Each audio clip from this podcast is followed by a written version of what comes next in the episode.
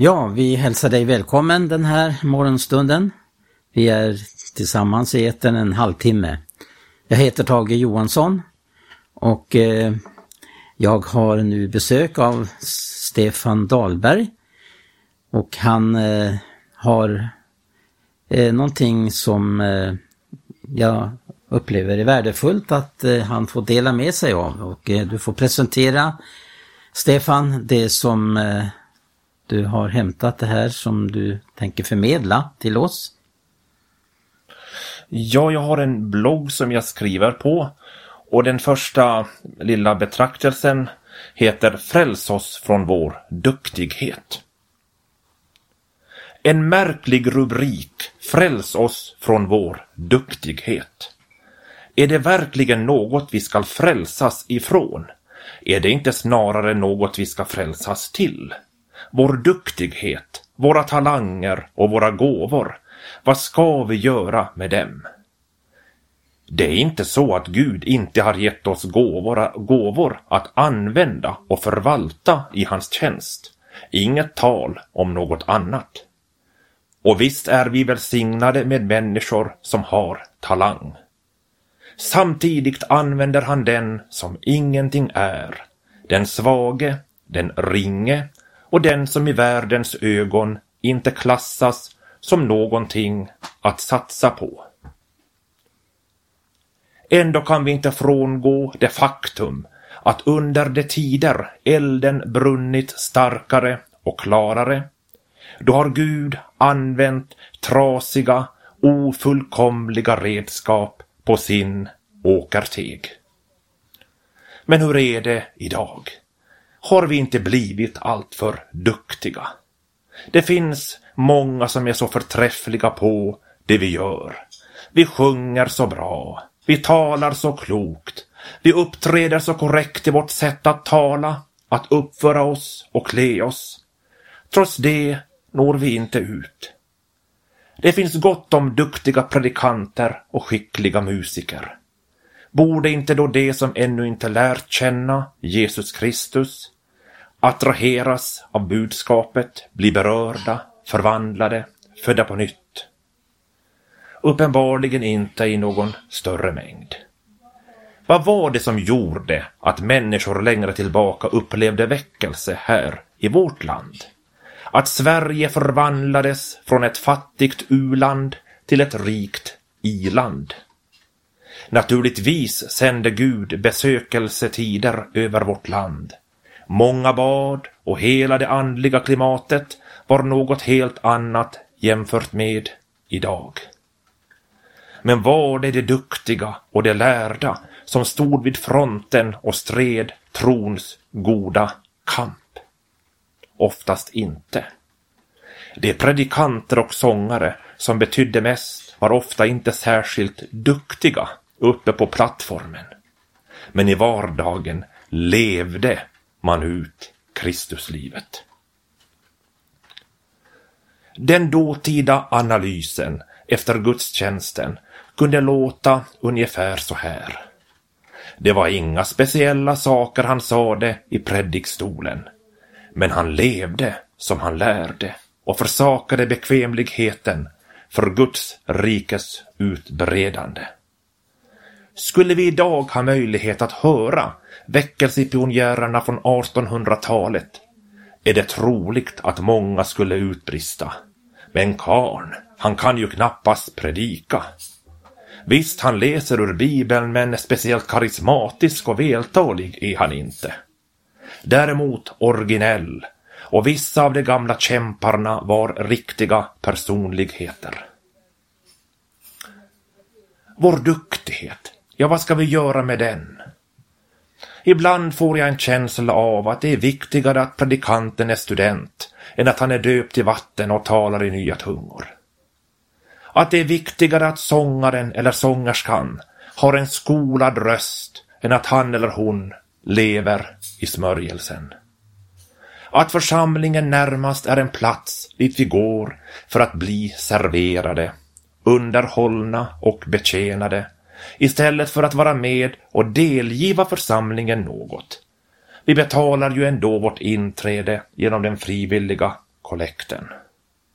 De anställda, det är ju det som tjänar vår Herre. Men är det verkligen så?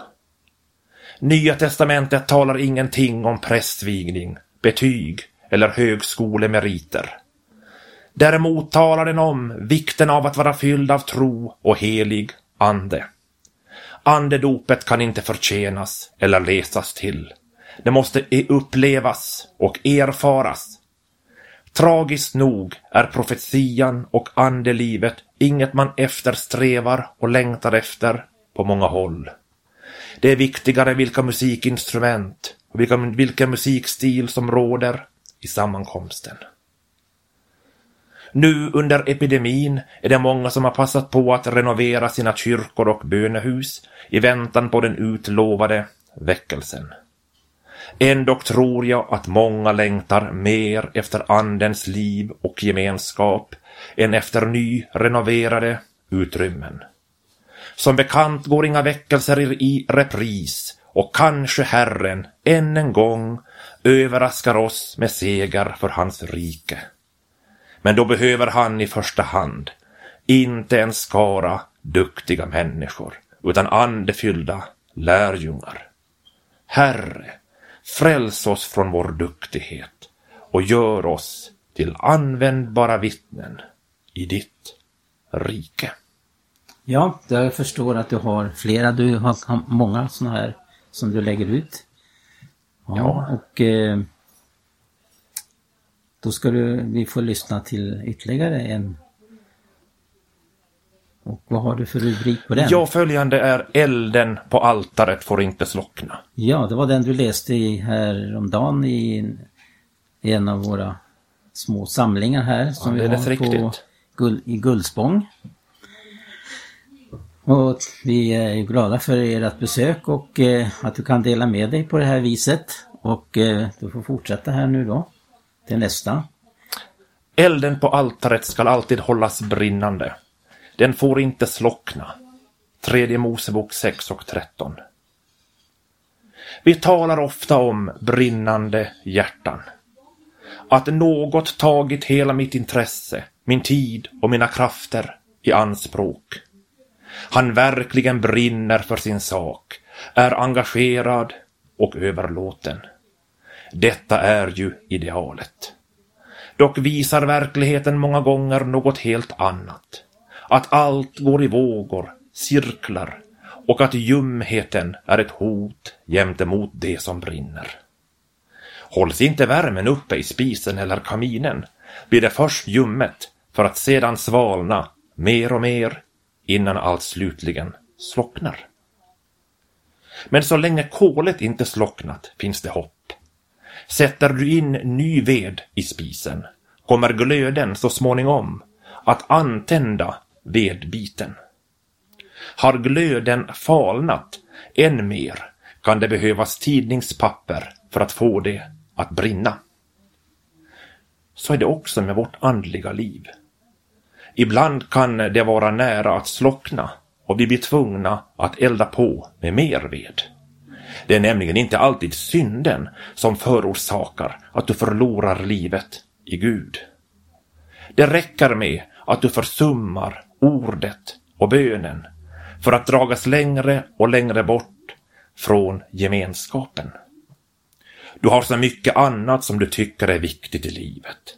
De vardagliga göromålen tar sin tid och istället för att vårda den andliga människan fylls fritiden av idel andra aktiviteter.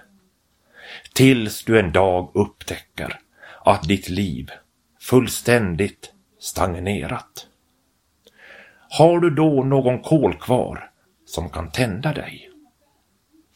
Elden på altaret får inte slockna. Låt oss trofast vandra vidare på den vägen. Känns det tomt och meningslöst, sök då gemenskap med Herren. Drag dig då närmare honom, tillbaka mot husets ingång och till den relation du en gång ägde.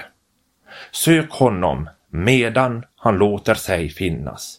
Åkalla honom medan han är nära.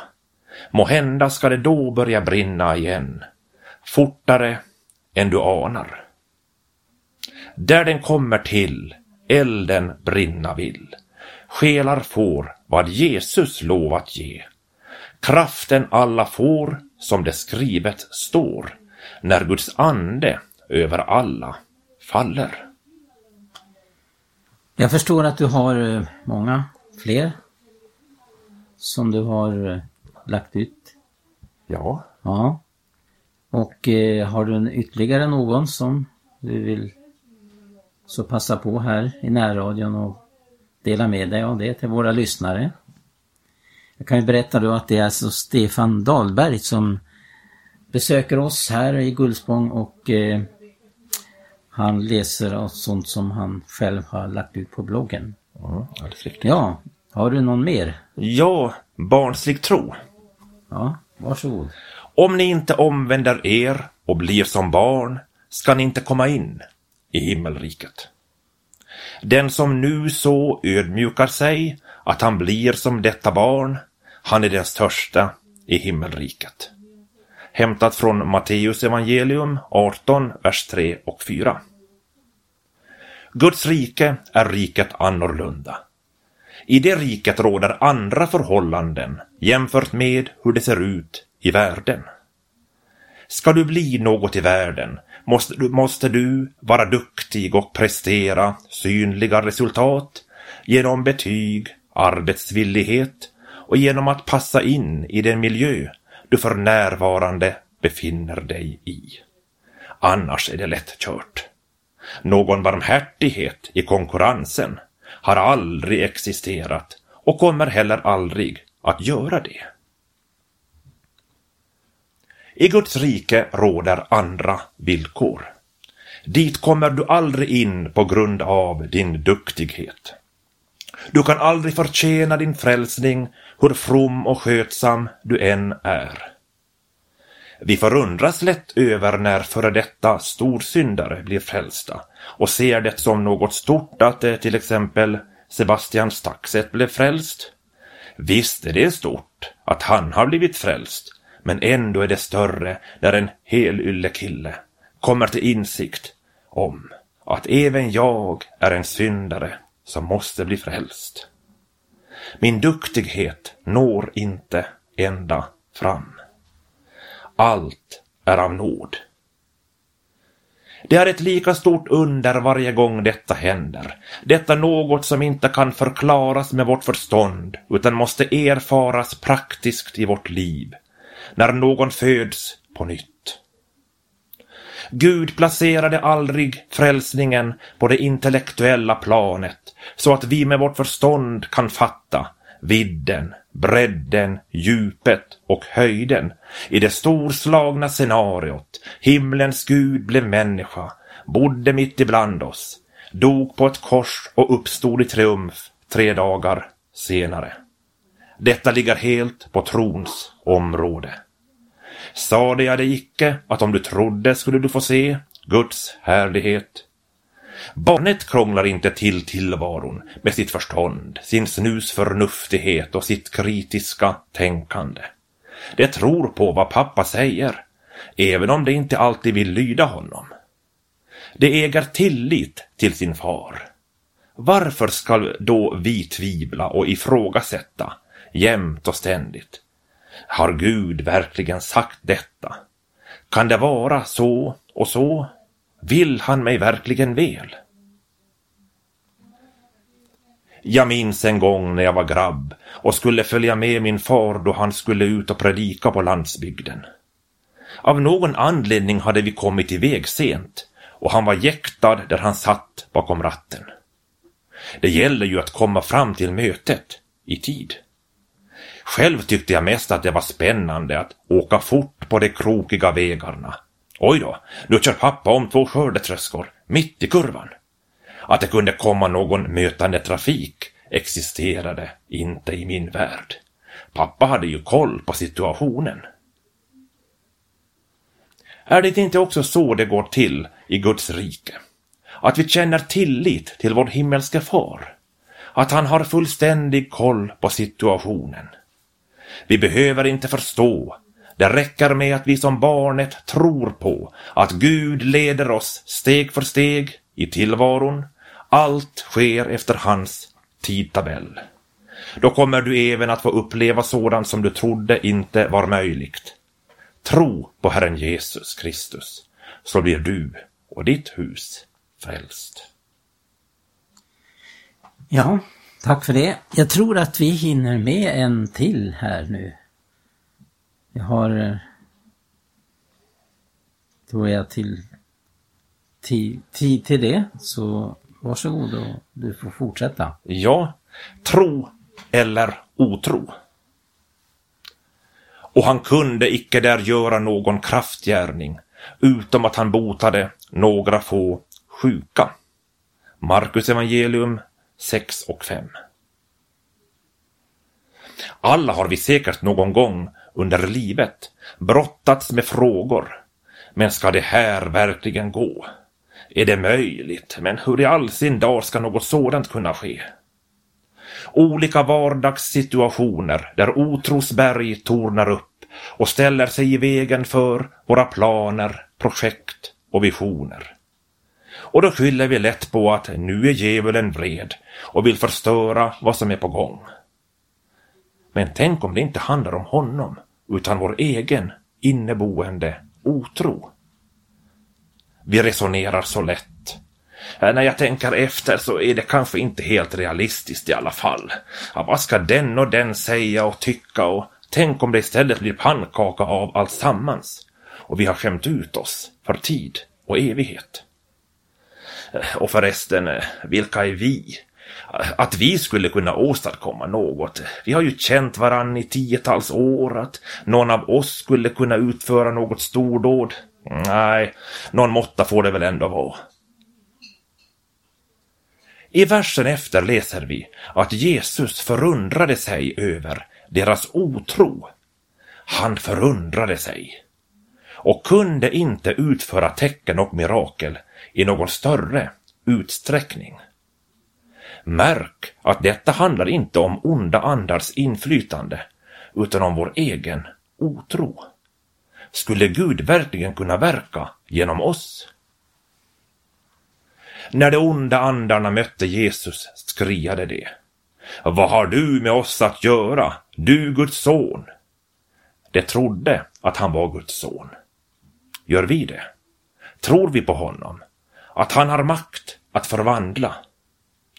När vi till exempel söker förbön för någon sjukdom så uppsöker de flesta någon storfräsare och tror att det genom honom eller henne ska uppleva befrielse. Att fråga sin granne eller familjemedlem? Nej, det har vi ingen tro till. Men se Gud är inte beroende av ett särskilt utvalt redskap för att få fram sin vilja. Vill vi inte så går han vidare till nästa och nästa och nästa. Säger alla nej blir han tvungen att använda den ogudaktige och vi förvånas över hans val. Men vi ville ju inte.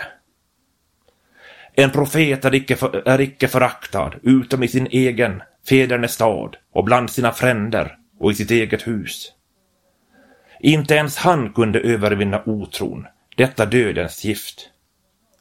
Nej men, eh, vår släkt har ju bott i dessa trakter i mer än 300 år. Vi kända när alla och den är släkt med den och varje uppkomling bör hålla sig på mattan.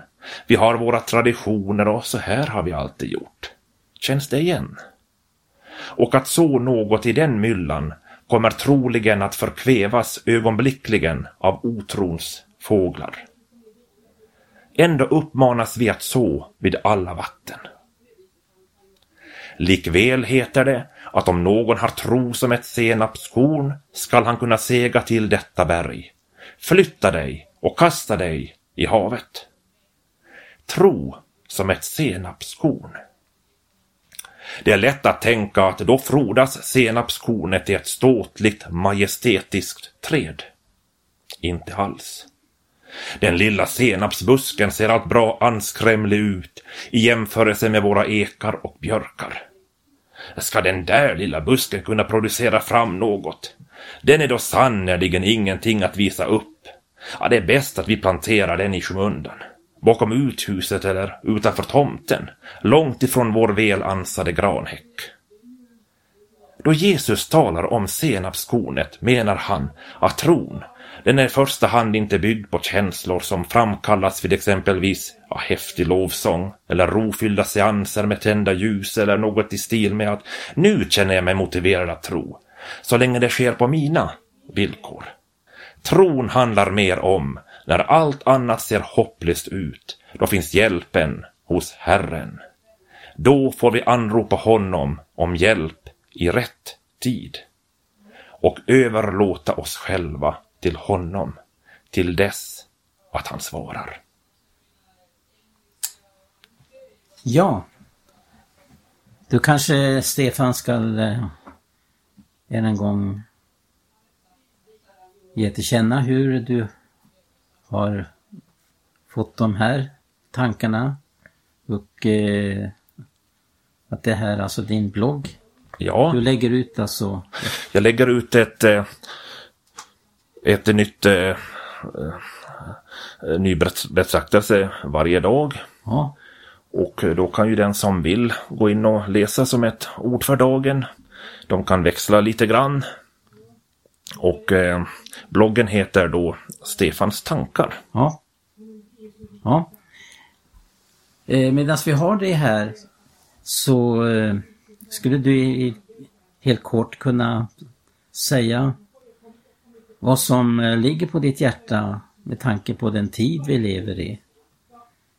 Och eh, ja, hur du uppfattar vår tid. Ja, ibland så talas det om att eh, människor vill inte höra talas om Jesu tillkommelse för man ska bli skrämd av det budskapet. Det har jag svårt att förstå. För mig är Jesu tillkommelse ett hoppets budskap. När jag läser eh, tidningsartiklar eller ser olika nyheter så skräms jag betydligt mer utav eh, hur världen ser ut. Klimathotet, skjutningar i landet, våldet eskalerar. Det är eh, oro och svårt eh, att samarbeta i riksdag och regering. Sånt eh, skrämmer mig mycket mer. Vi tror ju att eh, Jesu tillkommelse ligger ganska snart framför. Vi vet inte exakt tidpunkt men vi tror att eh, det är inte långt kvar. Mm. Eh, ja. Jag tror att eh, du skulle också vilja leda oss i bön här tillsammans med lyssnarna. Eh, bedja just detta nödvändiga om uppvaknande just inför tidens allvar. Så bed en bön med oss här och de som har lyssnat. Och vi ska ju också bedja, står det, både för vår, vårt land, vår överhet, vår konungahus. Och jag tror att eh, bönen har en stor inverkan. Speciellt den som vill vara redo när Jesus kommer. Att vara vakande och bedjande, det är det Jesus uppmanar gång på gång. Amen. Så varsågod, bed en bön med oss. Käre dyre mästare. Tack Herre för att vi får vara frälsta Herre och ha upplevt dig Amen. i våra liv Herre. Tack att vi får Käre. vara dina barn Herre, vilket vi också är Herre. Hjälp oss Herre i denna sena tid Herre att kunna kunna räkna med dig, Herre, i allting, i de små tingen såväl som de stora, Herre. Amen. Tack att du möter med var och en som läser och som lyssnar, Herre, och låter din livgivande ande komma var och en till del som har en längtan och, efter ett, och ett behov efter mer av dig, Herre. Du, den klara morgon, morgonstjärnan. Herre, så att du ska få bliva till välsignelse och till frälsning, Herre, Amen. för var och en som Amen. tror, Herre. Tack att du är, är eh, en god Gud, Herre, och salig är den vars som du inte blir en stötesten för. Amen. Amen. Ja, vi tackar dig Stefan. Det var alltså Stefan Dahlberg som vi hörde här i det här när, närradioprogrammet. Och eh, vi önskar dig Guds välsignelse i det uppgift som du upplever har fått av Herren. Och eh, så önskar vi vara en Guds välsignelse och vi önskar vara en att vi åter får höras och eh, få dela tankar med oss här i närradion. I Jesu namn. Amen.